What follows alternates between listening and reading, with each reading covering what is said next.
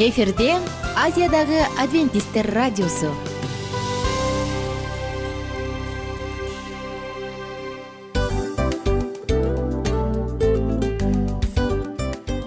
Достор салют. Баардык сүйүктүү угармандарыбызга салам айтабыз. Кутман күнүңүздөр менен. Ден соолук өмүрдүн булагы демекчи саламат саамы программасында баарыңыздарды көргөнүбүзгө абдан кубанычтабыз. Анда алгач амандашып өтөлү арбаңыздар деп. Ден соолугуңуздар кандай элибизде көбүнчө ден соолук кандай дегенде эле жакшы деп жооп беребиз э? ооруп турсак дагы жакшы дейбиз. Анан мен муну айтып ойлойт элем бул абдан сонун сөз депчи анткени бул жакшы деген үмүт да э баары жакшы болот баары сонун. Деп үмүттөнүп атып эле өзүбүздү өзүбүз дарылап коебуз. Анысы кандай? Сиздин дагы ден соолугуңуз жакшы беш деген үмүттөбүз чындыгында ден соолук бул өмүрдүн булагы деп бекеринен айтылган эмес деп ойлойм. Кыргыз элинде анткени эгерде ден соолук жок болсо анда адамдын жашоосунда калган баардык керектүү маңыздуу нерселер өзүнүн баалуулугун жоготуп коет. Ошондуктан ден соолук бул эң керектүү нерсе. Ооба туура айтасың кесиптешим. Чынында ден соолугуң жок бир эки үч күн ооруп калсаң эле э кандай болуп калат? Жашоодо көз каранды болуп каласың көп нерсеге жетишпей каласың көп нерсени кыла албай каласың жада калса эшикке дүкөнгө да чыга албай каласың. Туп туура анан ден соолук болсо демек биз биздин бактыбыз тоотой деп койсок болот. Анда достор саламатсызбы рубрикабызды баштайлы. Алдыда өзүңүзгө керектүү болгон сонун кеңештерди уга аласыздар. Мына ошондуктан биз менен бирге болуңуздар. Ал эми биз болсо милан жана айнура. Кеттик алга. Алга саламат саама ден соолуктун жарчысы. Саламат саама ден соолуктун ачкычы. Күн сайын сиз үчүн мыкты кеңештер сонун жаңылыктар кызыктуу фактылар. Биздин рубрикада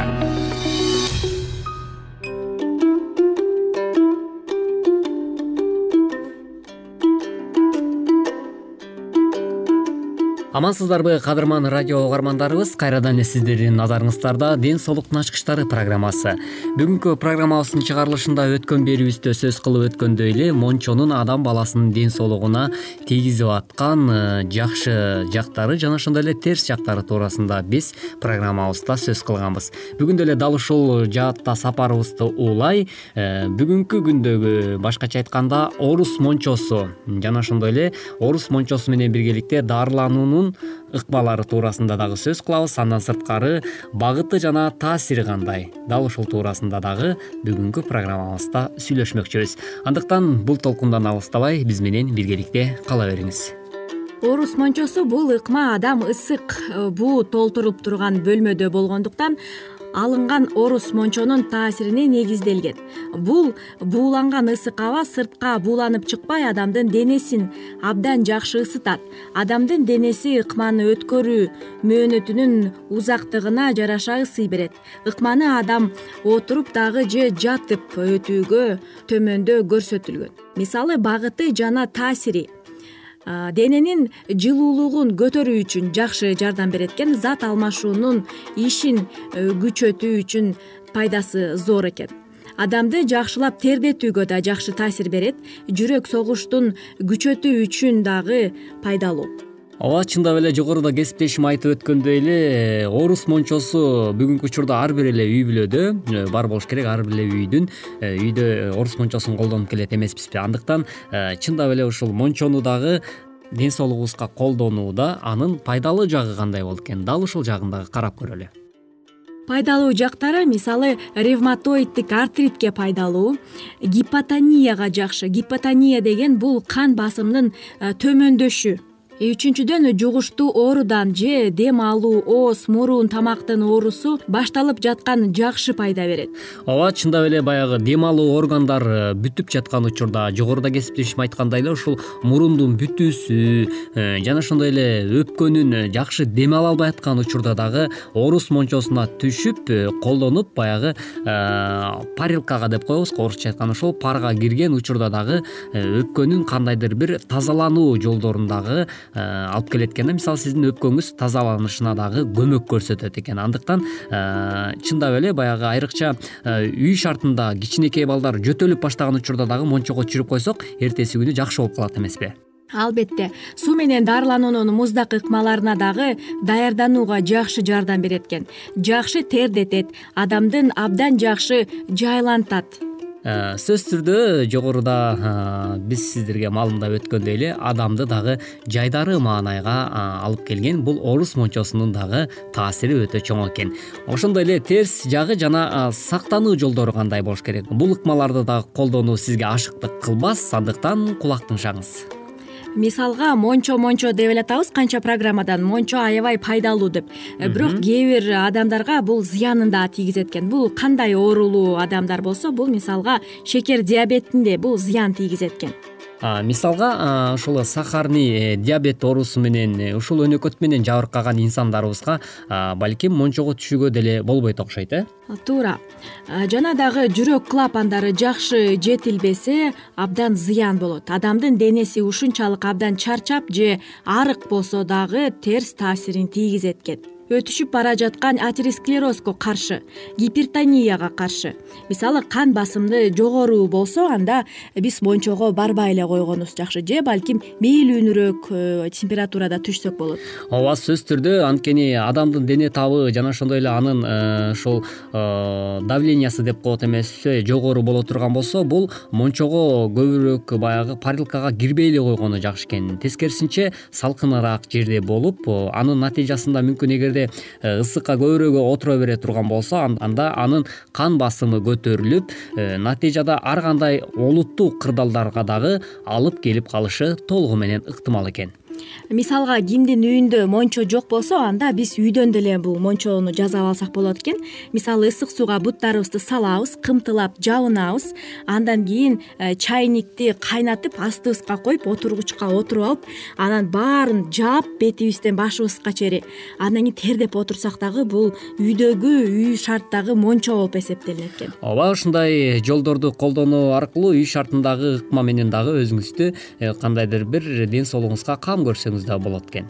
Андан дагы э, мисалы бутка компресс жасасак дагы болот экен ысык сууга салып буттарыбызды анан адам тердейт эмеспизби? Ооба сөзсүз түрдө. Тердегенде бул дагы ушул орус мончодогу эффектти дагы үйдөн эле алып алат экенбиз.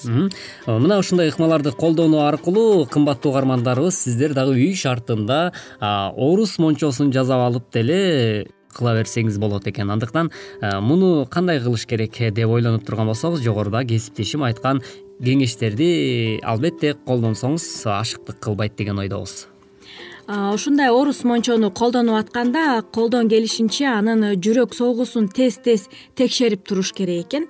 Эгерде анын жүрөгү мүнөтүнө жүз жыйырмадан ашып согуп жатса анын жүрөгүнүн аймагына муздак компресс коюп койсок болчу да экен сөзсүз түрдө жүрөктүн кагышын жана согушун э, текшерип туруу дагы сөзсүз түрдө абзел. Андыктан э, бул ыкмаларды колдонуу аркылуу дагы сиз өзүңүздүн саламаттыгыңыздын э, жакшырышын алдын алган болот экенсиз. Анан дагы унутпаңыз жылуу суу ичүүнү сөзсүз түрдө э, өтө ашказаныңызды оорутуп албаш үчүн муздак суудан алыс эле болгонуңуз э, дурус экен. Андыктан э, жылымык сууну ичип колдонуп турган болсоңуз бул дагы жакшы бир натыйжасын берет экен ыкманы узактыгы сергитүүчү таасири жетүү үчүн аны алты мүнөт жетиштүү экен. Ал эми адамдын денесин жакшылап тынчтануу таасирине ээ болуш үчүн он беш жыйырма мүнөт созулушу керек. Ыкма аягына чыкканда адамды кургатып жаткырып жана жакшылап жылуу жаап коюңуз. Ал аз дегенде отуз мүнөт эс алыш керек экен мына ушундай ыкмаларды колдонуу аркылуу саламаттыгыңызды чыңдай бериңиз деген тилек менен бизге бөлүнгөн убактыбыз да өз соңуна келип жетип калды. Кымбаттуу радио көгөрмандар бүгүнкү программабызга дагы назар салганыңыздар үчүн сиздерге чоң ыраазычылык билгизебиз. Кийинки берүүдөн кезиккенче сак саламатта болуңуз. Саламат саама ден соолуктун жарчысы. Саламат саама ден соолуктун ачкычы. Күн сайын сиз үчүн мыкты кеңештер сонун жаңылыктар кызыктуу фактылар. Биздин рубрикада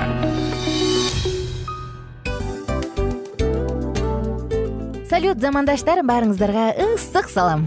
Дил маек программабызга кош келиңиздер. Дил маек рубрикасы дегенде эле бул эмне болгон дил маек ким менен маектешебиз деп сурайт болуш керек угармандарыбыз бул рубриканы кыскача тааныштыра кетип турган болсок ар тарап кесип ээлеринен болгон сонун интервью кеңештер бар ооба. жылдыздар менен болгон маек бар аталарыбыздын агаларыбыздын чоң аталарыбыздан сонун кеңештер бар ошондой эле эже сиңдилердин кеңештери бар. Айтор баардык кызыктардын баары алдыда. Негизи эле адам баласы бир кимдир бирөөнө ишенип сырын ачкысы келет эмеспи э мындай баарлашууга жакын келебиз го? Албетте негизи бир жерге отуруп алып кенен шашпай баягы жүрөктөн жүрөккө ачып сырларыбызды ар кандай көйгөйлөрүбүз менен бөлүшүп баягы чын жүрөктөн маек курганды кимибиз сүйбөйбүз э? Ооба десең ал нерсеге суусап да келебиз да? Ооба кээ бирде адамга чындыгында баягы э, ысык маек баягы жылуу маек жетишпейт да. Ошондуктан биз ушул рубриканы ойлоп тапканыбызда эң биринчи эле достор сиздер менен чын жүрөктөн бир маңыздуу темаларды козгоп кеткени э, кааладык. Ошондуктан ушундай сонун бир рубриканы тартуулап жатабыз. Анын үстүнө радио дагы сонун дос да анткени э, мындай учурда досуңа айтсаң досуң досуна айтат досу досуна айтат да анан бүт өлкө билип калышы мүмкүн го. А радио болсо сени сатпаган сенин айыбыңды ачпаган сенин сырыңды эч кимге айтпаган сонун дос мына ошондуктан биздин алдыдагы айта турган кеңештерибизди биздин досторубуздун кеңештерин угуп анан ал жака пикириңизди дагы калтырып кайрадан биз менен байланышсаңыздар болот. Деги эле жашооңузга эгерде кичине болсо дагы өзгөрүү алып моралдык жактан моралдык жактан сонун бир кеңештерди алсаңыз демек биз максатыбызга жеттик. Ооба. Чыңгыз атабыз улуу жазуучу э, чыңгыз айтматов айткандай адам болуу бул күнүмдүк процесс экен. Күн сайын адам бойдон калуу бул адамзатка эң эле кыйын дейт э? э эң кыйын дейт. Чындыгында бунун э, негизинде адамдын эң баягы сапаттуулугу адамдын э, адамгерчилиги жана көптөгөн керектүү нерселер. Мына ошол темалар дагы бизде ушул дил маекте биз аларды да козгойбуз. Ден соолук жөнүндө да сүйлөшөбүз. Сөзсүз түрдө анан милан мырза негизи айтып коюшат го. Биз көбүнчө эмнени ойлонсок ошол нерсеге карата иш кылабыз го. Ооба. Анан анысы кандай? Балким бул радио баракчада кимдир бирөөнүн оюн текшергенге жардам берет кимдир бирөөнүн жүрөгүн текшергенге жардам берет. Балким кимдир бирөөгө жашоонун маңызын тапканга жардам берет айтор кызыктын баары алдыда бул жөн гана кыскача жарнама анда угармандарыбыздын баардыгын кийинки рубрикабызга чакырабыз. Ал эми кызматта маңдайымда отурган кесиптешим милан жана мен айнура. Анда эмесе биз даярдаган терең терең ойлор менен таанышууга кеттик. Алыс алыс баралык. Анда эмесе достор биз менен бирге болуңуздар. Алдыда эң кызыктуу маалыматтардын баардыгы бир нече мүнөттөр бою жалгыз гана сизге арналат. Мына ошондуктан жакшы маанай менен угууну каалайбыз. Үн алышканча. Жөнөдүк. Ар түрдүү ардактуу кесип ээлеринен алтын сөздөр жүрөк ачышкан сыр чачышкан сонун маек. Дил маек рубрикасында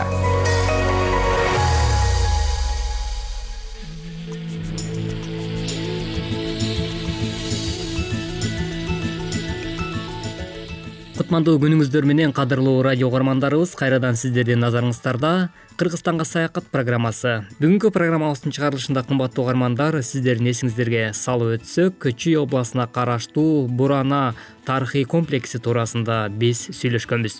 Бүгүнкү программабызда дагы дал ушул жаатта эле маегибизди улантмакчыбыз. Бүгүнкү талкуу маекке катышуу иретинде атайын биз жеринен барып атайын сурамжылоо жүргүзүп келгенбиз. Анда эмесе бүгүнкү студиябыздын коногу менен сиздерди тааныштырып өтсөм кожо мамбетова турган эжеке биздин суроолорго жооп бермекчи. Турган эжеке айтсаңыз деги эле ушул азыр биз турган э, музей комплекси туурасында айтып берсеңиз деги эле бул жерде жалпы эле ушул угармандарыбызга музей жөнүндө э, бул жердеги казуу иштеринен табылган экспонаттар э, кыскасы музей туурасында жалпы маалымат берип өтсөңүз жакшы болот эле бул ушул биздин музейде э, эчтен кирип келатканда эле маңдайда мына өзүңүздөр көрүп турасыздар. Он он экинчи кылымдарда э, жасалган колдонулган суу түтүктөрү. Э, биз азыр жыйырма биринчи кылымда жашап жатсак дагы биз пластик түтүктөрдү колдонуп атабыз ал эми бул чоподон жасалган суу түтүктөрү бышырылган. Булар суу тийгенде э, анча мынча жумшайт жөткөндө биринин тешин бирөө таап калат экен. Ошондой эле бизде э, орто кылымдагы мончо болгон экен. Э, анан кийин биякта тыйындар. Тыйындар бул жерде сууда кайнап турган шаар болгон айкинелеп турат. Ар кандай тыйындардын түрлөрү бул жерде коюлгандары тиякта батпагандар сактоочу жайда сакталып турат. Ошондой эле коңгуроолор бул кырк төө бир кербенде эсептелген. Ар бир төөнүн мойнуна бирден чоң коңгуроо ал эми буттарына кичинекей коңгуроону таап койгон экен. Анткени астынан чыккан майда курт кумурска жандыктар болсо аны тебелеп өлтүрүп алыш керек да. Жарачка зыян кылбаш керек. Анан ошондой эле э, колодон жасалган таразанын чөйчөктөрү бул ушул жерде соода кылышкан ошондой эле айнек пайдууланган чейин биринчи күзгү курдун тоголору э, түрктөрдө түрк урууларында аскер даражасын азыркыдай погондо эмес Э, курунда бийлешкен да. Ошол мисалы он башы элүү башы жүз башы миң баш түмөн башы деген даражалар азыр түркияда сакталып калган. А бизде болсо баягы орустардын лейтенант старший лейтенант деген кабыл алганбыз. А негизи э, илгери баягы алтындан жасалган курдун тогоосу же болбосо күмүштөн же жестен колоодон бул адамдын аскердик ушу даражасын ошондо билгизген экен. Э, ошондой эле ар кандай э, таштар аялдар тааган шакектин түрлөрү жез коло күмүш. Анан кийин могунча чоң карапай идиштерди биз орто азия элдеринде хум деп коебуз. Кээ бир учурда эгини менен суусу менен табылат. Бул мындайча айтканда жаратылыштын муздаткычы да тамак аш сактай турган идиштер өткөн колумдон элүү алтымышынчы жылдарда электричество келсе андан кийин эле холодильник пайда болгон экен. Ага чейин адамдар ушундай мисалы кытайларда көрүштү биз эгинди сууну сактап келгенбиз жери көмүп коет капкак менен жабышат мындагы кээ бирөө колго жасалган кээ бирөө гончарный кругт айлантылган ал эми жез коло майда чүйдө буюмдардын э, көп эле түрү турат. Бизде деле э, май чырактардын түрлөрү бар жана жез колодон жасалган май чырактар атайын эжеке азыр биз ушул бурана мунарасы жайгашкан э, батыш тарабындагы аймакта дөңсөөнү көрүп турабыз. Э, бул дөңсөө эмнени түшүндүрөт эмнеден улам пайда болуп калган дөңсөө ушул жөнүндө да айтып берсеңиз. Бул маңдайда ортодо бул хандын ордосу. Бул топурактан салынган имарат бул тогузунчу кылымдарда салынса керек ушу ушу жер титирегенде үстү түшүп калган анан баягы толук казылбагандан кийин бул ортосу дөң болуп эле турат а үстүнө чыгып капталынан караган кишиге бул дубалдар көрүнүп турат топурактан салынган имарат экен ошондой эле бизде тиги таштардын арасында петроглифтер кездешкен мына ааска тоонун бетине эчки текенин сүрөттөө түшүрүлгөн алардын баардыгы бизден ошо тоодон чогултуп келгенбиз ушу орто кылымдарда шаарлардын көпчүлүгү бул коргоочу максатта бийик дубал менен курчап анын сыртында чоң арыктан суу жүгүртүп арыктан сууга өтүп анан кийин дубалга чыгып келечекти э, элдер баягы каршылык көрсөтүүгө тоскоол кылып калышкан да. Ушундай максатта могу дубалдардын эми биз э, бул мунун баары мамлекеттин карамагында мамлекеттик корукта анан ушул ушул жердеги чөйрөдөгү бул элге көрсөткөнгө аракет кылабыз. Ушу биякта эми баягы кыргызстанда бул күнөстүү орто азия жеринде кылымдар бай адамдар жашап келишкен. Жашап жатышат анан баягы казуу көп убакытты талап кылат экен көп казуу керек да. Ушул тарыхый жай болуп эсептелген э, бурана мунарасына башкача айтканда тарыхый комплексти көрүү максатында дүйнөнүн булуң бурчунан дагы э, көптөгөн туристтер келет эмеспи деги эле ушул туристтердин келүүсү кызыгуусу алардын ушул э, тарыхый комплекс менен таанышуусу бүгүнкү күндө кандай мына көчмөндөр оюну бизге мындай бүттүн элдерине жарыя катарда болду окшойт. Келип атышат. Мурда бул өтө ысыкта июлда августта эс алып калчу элек. Анан эки жылдан бери кудайга шүгүр келип атышат. Бирден серин келишет кээ бири э, чоң чоң группалар менен келип калышат. Биз да ошо э, турфирмалар менен иштешебиз.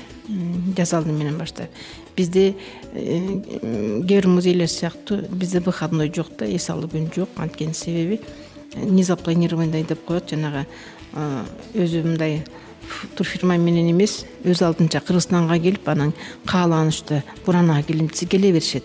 Анан ошолорду эшик бекип калбасын деп ар дайым иштейбиз. Баягы бирибиз жокто бирибиз эс алып дегенде ушинтип бирибиздин орду бирибиз алмаштырып музей жабылбайт. Э, жайы кышы дебей анан кышында болсо деле элдер келчү эмес анан кийинчерээк могу биздин тиги тоолорго келип лыжа тепкендер эс алчу адамдар келип атышат. Ушу россиядан казакстандан келип атышат.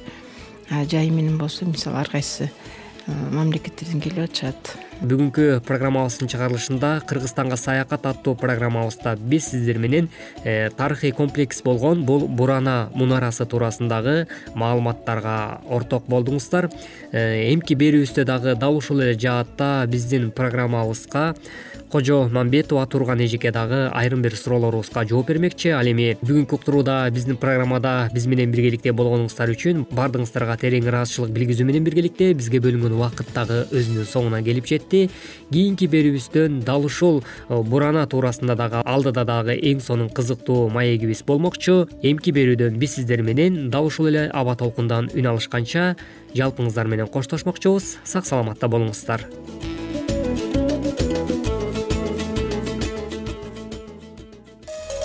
ар түрдүү ардактуу кесип ээлеринен алтын сөздөр жүрөк ачышкан сыр чачышкан сонун маек. Дил маек рубрикасында.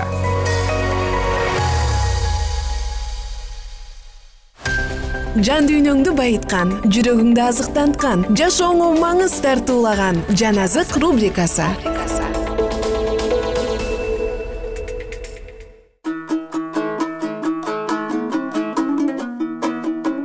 саламатсызбы кадырман угарман жана замандаш.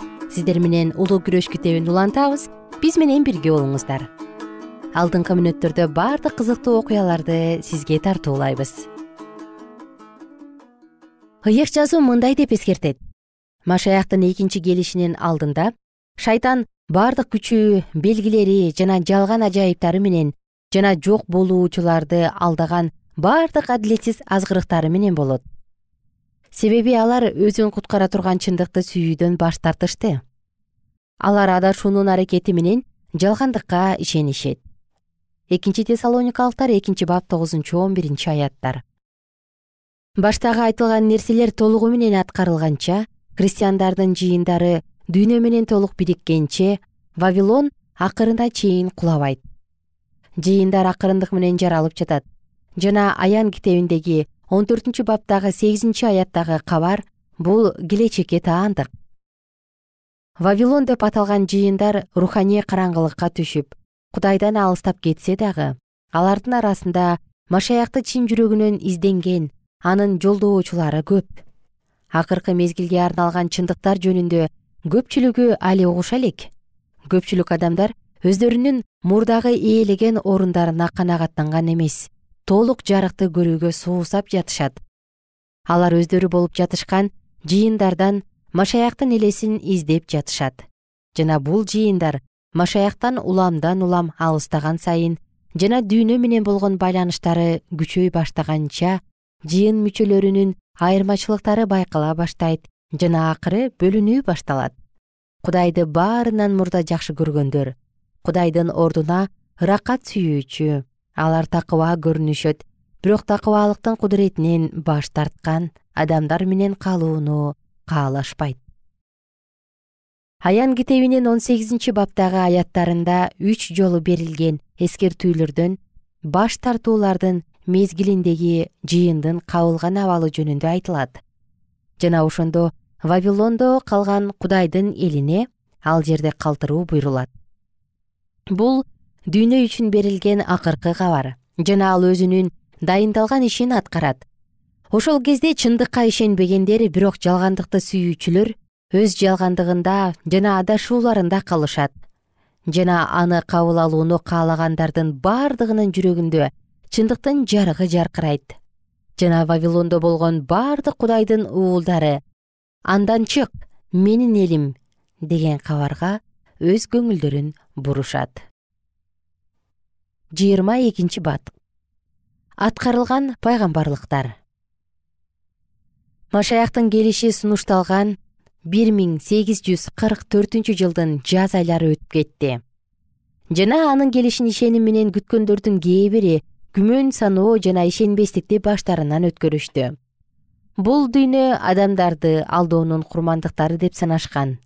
Бирок алар үчүн кудай сөзү баштагысындай эле сооронуунун булагы болуп кала берди. Көпчүлүк адамдар жазууларды изилдөөнү улантышып өз ишенимдеринин негизин текшеришип жана толук жарыкка чыгуу максатында пайгамбарлыктарды кайрадан окуй башташкан. Алар таянган мукадастын күбөлөндүрүүлөрү алар үчүн белгилүү дагы ишенимдүү дагы эле. Болуп жаткан белгилер машаяктын келишинин жакындыгын айгинелеп олтурган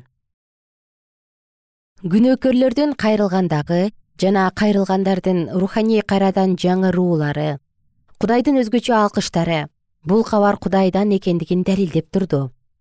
Ошол кездеги ишенүүчүлөр өздөрүндөгү болгон көңүл калооларды түшүндүрө албагандыгы менен ушул мезгилдердин бардыгына аларды кудай өзү жетелеп жүргөндүгүн билип турушту.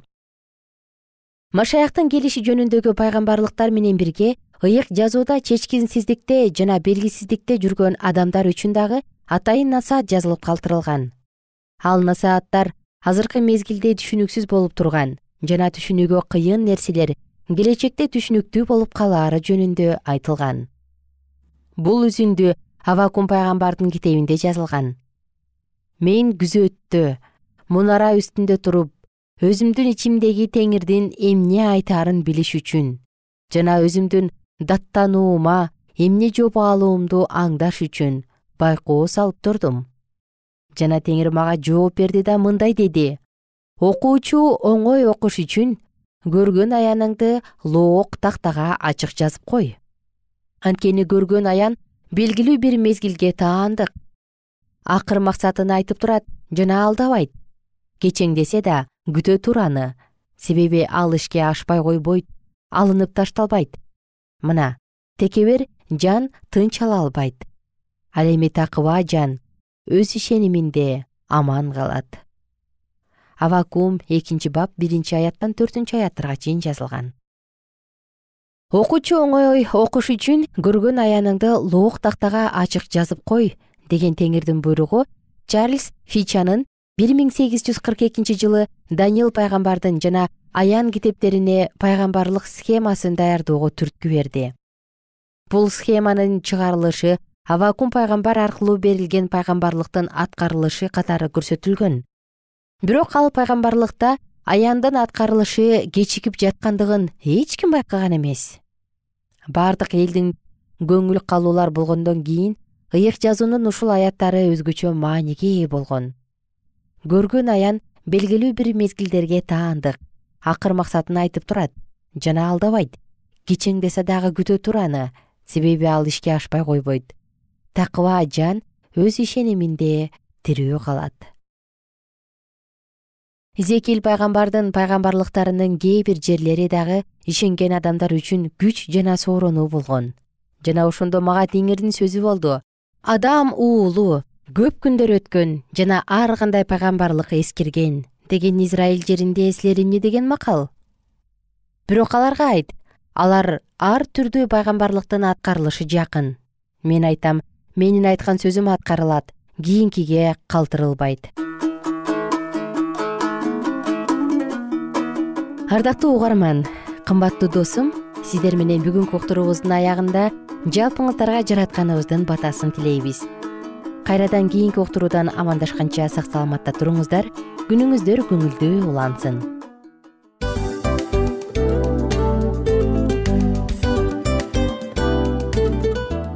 Ушул менен достор программабыздын уктуруубуздун эң кайгылуу мөөнөтүнө келип жеттик кайгылуу дегенде ыйлагым келип кетти кесиптеш. Кадимкидей. Анткени баягы учурашасың анан коштошуу учур келгенде ии кантип ии эми бат баттан келиптир э сагындырбай деп атып араң коштошобуз го анысы кандай угармандарыбыз менен коштошчу учур келди. Кийинки уктурууларды сагыныч менен жүрөгүбүздө кусалык менен күтөбүз жалпыңыздарды анан жарым сааттык уктуруу көз ачышым канча өтүп кетти. Сөзсүз бирок бизде жакшы кабар бар. Кийинки уктурууларыбызда сөзсүз дагы кезигишебиз. Анткени биз көптөгөн сюрприздерди кызыктуу маалыматтарды жана керектүү керектүү нерселердин көпүнчөсүн даярдадык анда угармандарыбыздын баардыгына ийгиликтүү күн каалайбыз эгерде бүгүнкү күнүңүз өзгөчө э, өтүшүн кааласаңыз анда позитивдүү ой жүгүртүп жылмайып жакындарыңызга жакшы маанай тартуулап жүрө бериңиз анткени сөзсүз түрдө мунун арты кайтат э? Сөзсүз. Баягы ден соолугуң оңолот ал бул деп көп нерсени санап келебиз. Эң негизгиси бул сиздин жашооңузду жаркын кыла түшөт экен жараткан кудай ар бирөөңүздөргө батасын берсин жашооңуз ийгиликтүү болсун сак саламатта калыңыздар деп мен милан жана кесиптешим айнура.